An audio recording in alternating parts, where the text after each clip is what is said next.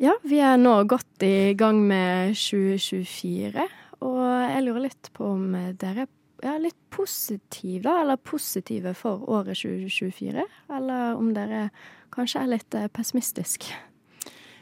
For meg så kommer det litt an på dagsformen og hva jeg leser i nyhetene egentlig i dag for deg. Jeg mm. tror flere kan kjenne seg igjen i det.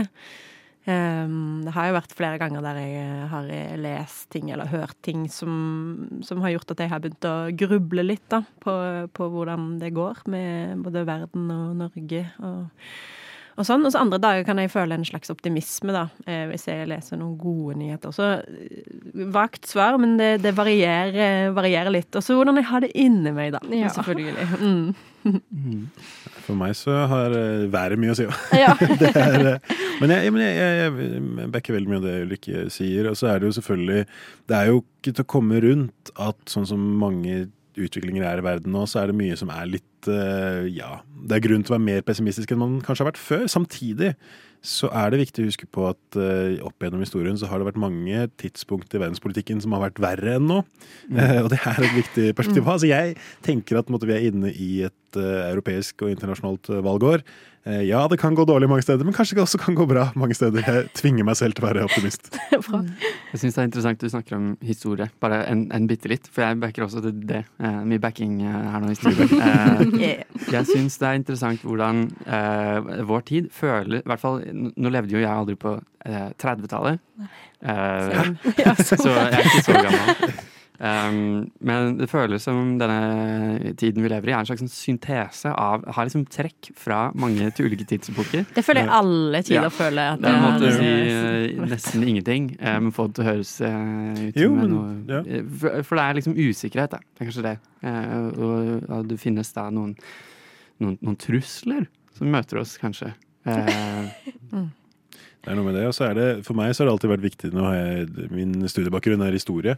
Jeg har alltid blitt veldig matt av folk som er sånn Historien gjentar seg. For ja. det, det, gjør den ikke. Nei. Historien gjentar seg ikke. Men jeg syns en veldig god saying på det er at historien gjentar seg ikke, men den rimer. Eh, så veldig ofte så kan du få ting som kommer igjen, og så får du noen lignende trekk, og så veldig mange trekk som ikke ligner. Så man kan bruke historie til å reflektere, men likevel. Ja. Uh, ja, fordi angående trusler så har jo PST kommet med trusselvurderingen for 2024. Uh, eh, og vår reporter Britta Benz har undersøkt dette nærmere, og denne saken får du høre nå.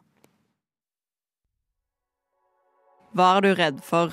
I en tid fylt med nyheter om krig og vold på steder langt unna Norge, er det lett å tro at vi her til lands lever trygt.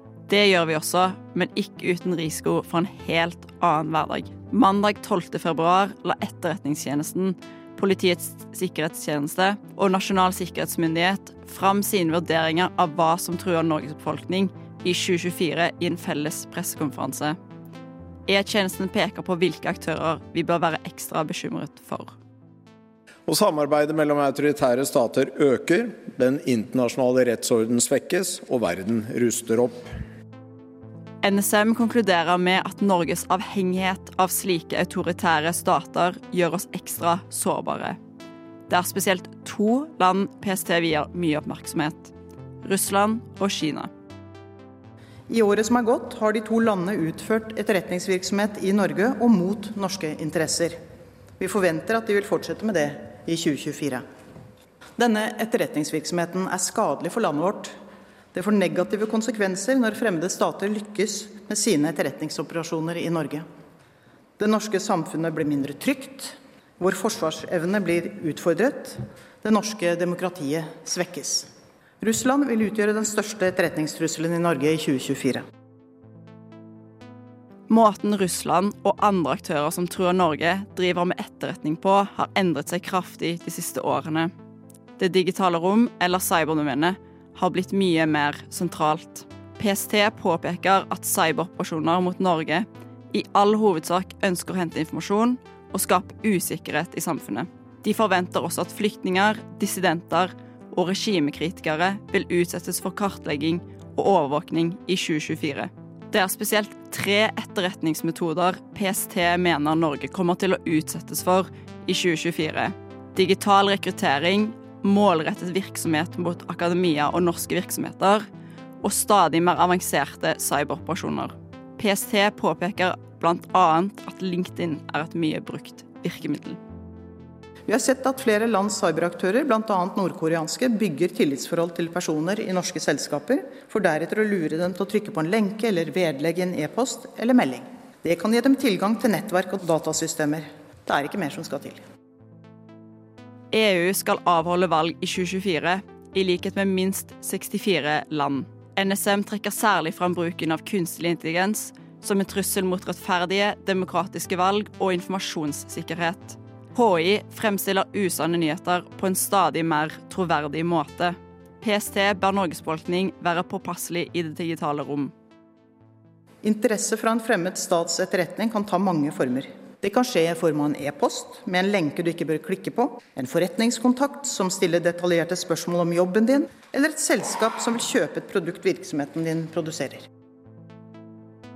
Såkalte deepfakes utnytter KI for å lage videoer og lydinnhold som kan være svært vanskelig å avsløre som falske.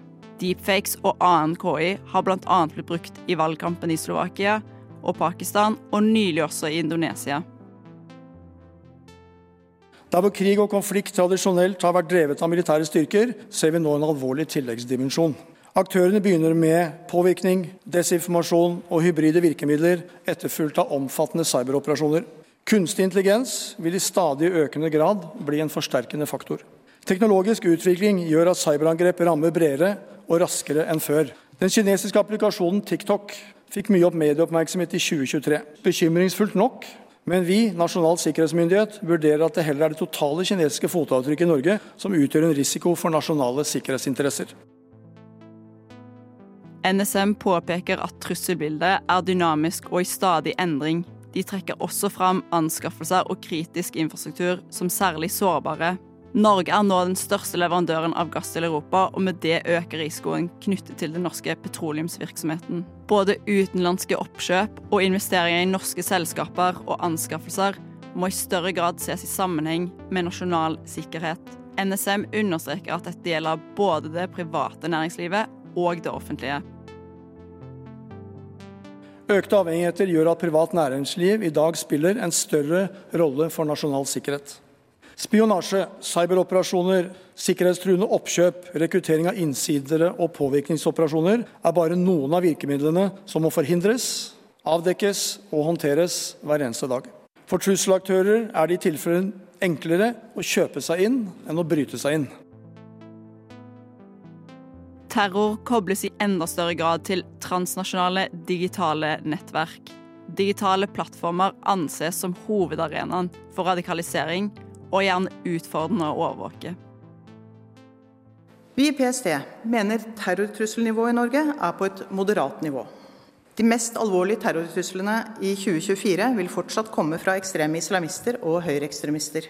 Vi vurderer det som mulig at ekstreme islamister og høyreekstremister vil forsøke å gjennomføre terrorhandlinger i Norge.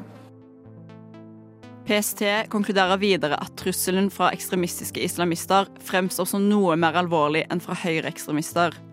E-tjenesten knytter dette til den pågående krigføringen på Gazastripen. Ifølge PST og NSM vil myndighetspersoner i 2024 utsettes for trusler og hets. Spesielt utsatt er enkeltpersoner som får mye medieoppmerksomhet i forbindelse med enkeltsaker. De færreste som truer, har en reell voldsintensjon. Likevel kan dette være en alvorlig trussel mot demokratiet. Det kan nemlig føre til at folkevalgte sensurerer seg eller trekker seg fra sine funksjoner som følge av belastningen det er å stå i hets og trusler. Alt i alt har sikkerhetsnivået i Norge blitt skjerpet pga. krig og ustabilitet i Europa og verden. Etterretningsvirksomheten mot Norge har økt, spesielt i det digitale rom. Til tross for dette blir det ikke krig i Norge med det første. Med dette ønsker vi dere en god og trygg helg.